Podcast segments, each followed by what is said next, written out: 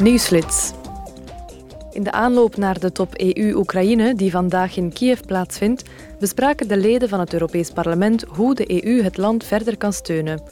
De Europese Commissie en het Zweedse voorzitterschap van de Raad bevestigden ook dat de lidstaten en de Europese instellingen volledig achter het land staan. In een plenaire vergadering met het Zweedse voorzitterschap en de voorzitter van de Europese Commissie gaven de parlementsleden hun visie op hoe Europa de uitdagingen op het gebied van migratie moet aanpakken. In Brussel benadrukte commissievoorzitter Ursula von der Leyen dat migratie een Europese uitdaging is en dus een Europees antwoord moet krijgen. Ze zei hierover: At the European Council next week I will Tijdens de Europese Raad van volgende week zal ik de staatshoofden en regeringsleiders twee afzonderlijke maatregelen voorstellen. Wat het wetgevingsproces betreft kunnen we het best reageren door vorderingen te maken met het nieuwe Migratie- en Asielpact. De tweede maatregel is onmiddellijke actie. The second work strand is immediate action.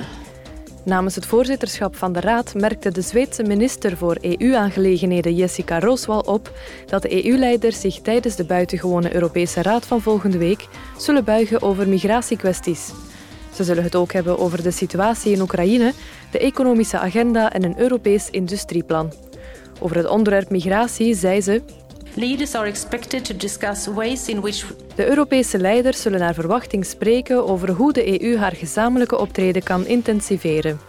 Ze zullen het onder meer hebben over een sterkere controle van de buitengrenzen van de EU, bijvoorbeeld door middel van ondersteuning van de lidstaten aan Frontex en het gebruik van IT-instrumenten. Ook de samenwerking met landen van herkomst en doorreis moet versterkt worden, zodat verdere sterfgevallen voorkomen worden en illegale migratie tegengegaan wordt. To avoid further death and counter illegal migration. Tijdens het debat pleiten de parlementsleden voor resultaten op het gebied van migratie- en asielbeleid, na jarenlange bespreking tussen de lidstaten.